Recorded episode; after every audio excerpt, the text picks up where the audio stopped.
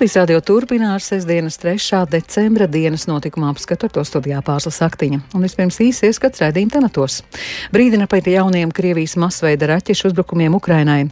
Koalīcijas vairākumu visās likumdošanas komisijās nevarēs nodrošināt arī pēc valdības izveides. Truksni pēc notiesājošā sprieduma tomēr neizslēgs no Latvijas zaļās partijas.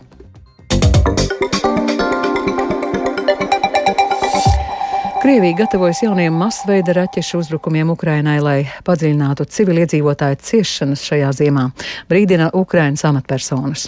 Vienlaikus Krievijas raķešu krājumi esot gandrīz izsīkuši. Kremlis paziņojis, ka Krievijas prezidents Putins gatavojas apmeklēt okupētās teritorijas Donbasā. Plašāk stāsta Ulis Čēsberis. Krievija ar raķetēm un artilēriju turpina terorizēt Ukrainas iedzīvotājus. Aizvadītajā diennaktī iebrucēji ir apšaudījuši apdzīvotās vietas astoņos apgabalos Ukrainas austrumos, dienvidos un ziemeļos. Pēdējās nedēļās Krievija ir veikusi vairākus masveidīgus raķešu uzbrukumus, kuru mērķis bija Ukrainas energoapgādes infrastruktūra. Šī iemesla dēļ simtiem tūkstošiem maisaimniecību ir palikušas bez elektrības un siltuma apgādes. Ukrainas prezidenta administrācijas padomnieks Mihailo Podaļaks prognozēja, ka Krievijas nākamie masveida raķešu uzbrukumi Ukrainai notiks tad, kad iestāsies bargāki laikapstākļi.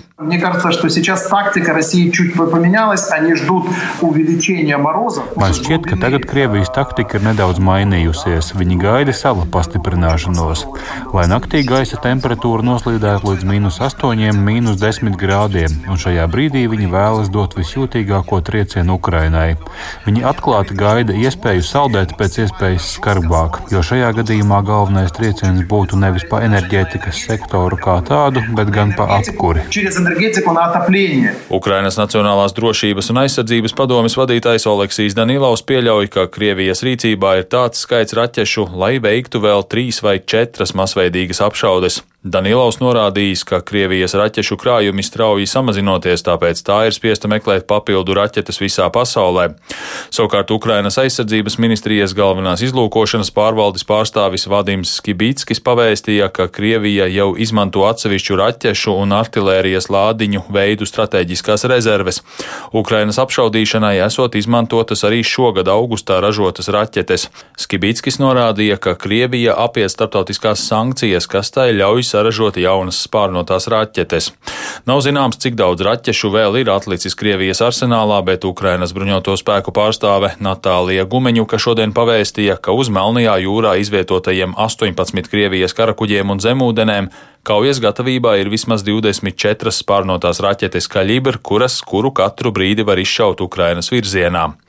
Frontē joprojām vissmagākās cīņas norisinās Luhanskas un Donetskas apgabalos Ukrainas austrumos, kur Ukrainas armijai aizvadītajā diennaktī ir izdevies atsist vairākus Krievijas spēku uzbrukumus. Lielbritānijas militārie izlūkdienesti savā jaunākajā ziņojumā raksta, ka Krievija ir izvietojusi lielu skaitu karavīru un ugunsspēka pie aptuveni 15 km gara frontes līnijas posma netālu no Bahmutas pilsētas Donetskas apgabalā. Tas varētu liecināt par Krievijas plāniem ielenkt pilsētu pilsētu, lai uzbruktu tai no ziemeļiem un dienvidiem. Bahmutas ieņemšanai nebūtu liela operacionālā vērtība, taču tas dotu iespēju Krievijas karaspēkam apdraudēt lielākas pilsētas, piemēram, Kramatorsku un Slovjānsku. Britu izlūki piebilst, ka Krievijas mēģinājumi ieņemt Bahmutu izmaksā nesamērīgi daudz, ņemot vērā potenciālos ieguvumus. No tā varot secināt, ka Kremlim pilsētas sagrābšana ir galvenokārt politiski nozīmīga. Jāpiebilst, ka Kremļa preses sekretārs Dmitrijs Peskovs šodien paziņoja par Krievijas prezidenta Vladimira Putina plāniem apmeklēt okupētās teritorijas Ukrainas austrumos. Peskovs neatklāja, kur un kad tas varētu notikt. Uldis Česberis, Latvijas radio.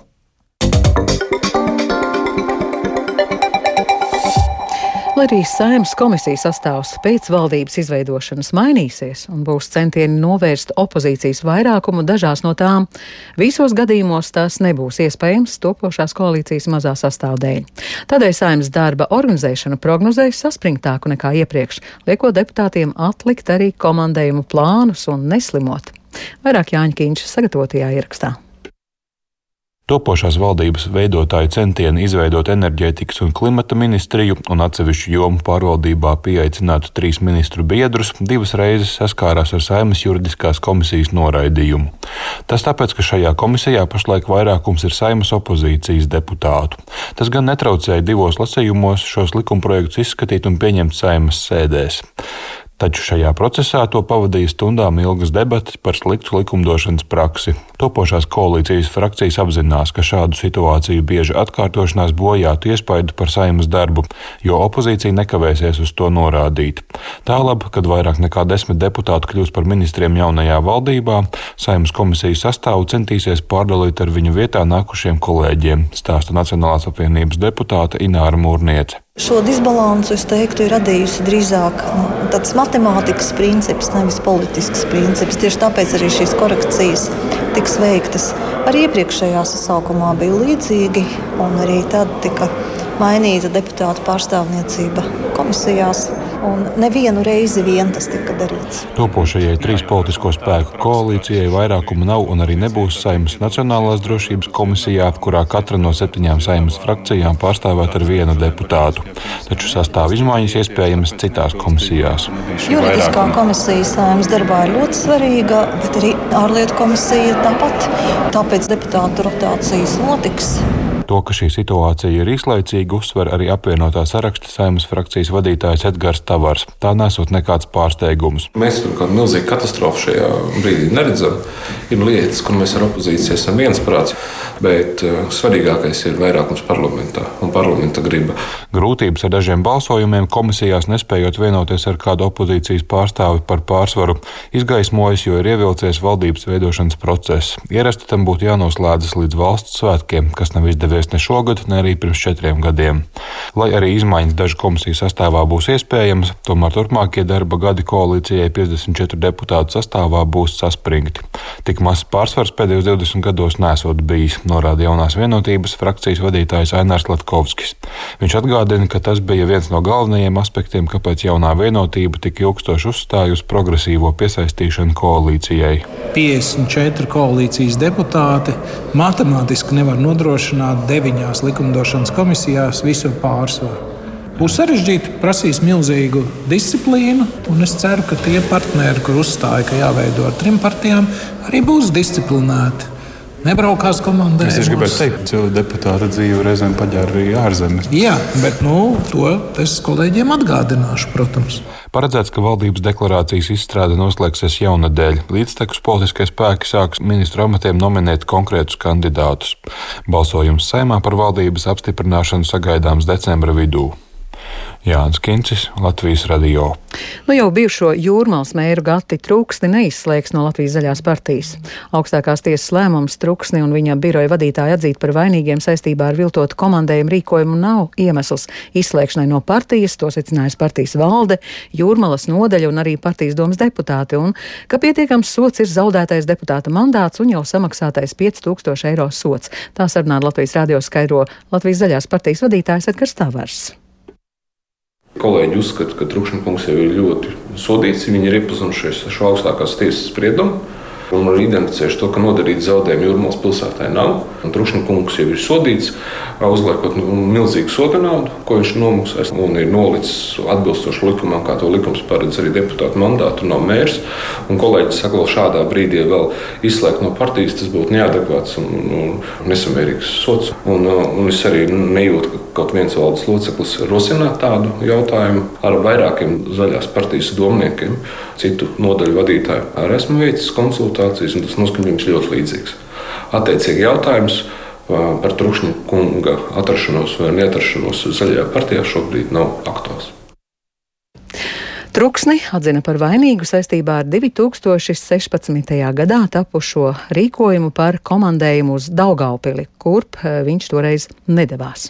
Truksnis spriedumam nepiekrīt un plāno startēt arī nākamajās pašvaldību vēlēšanās.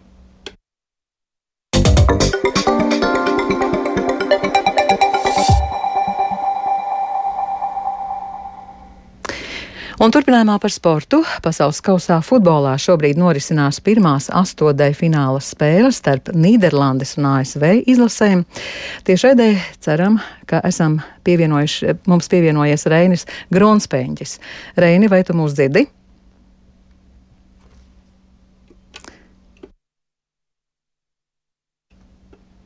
Diemžēl Rēnis mums pagaidām nedzird, pēc brīža mēģināsim savienot. Nē, vēl nav.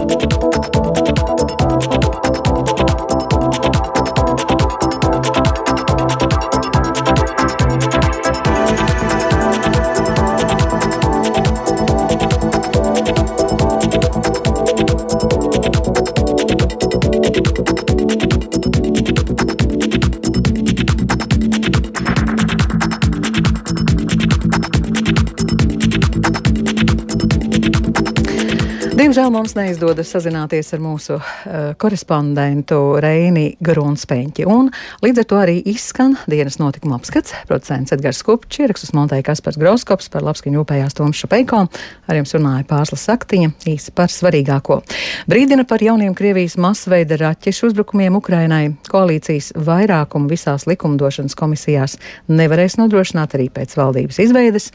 Trūksnis pēc notiesājošā sprieduma tomēr Truksni neizslēgs no Latvijas zaļās partijas.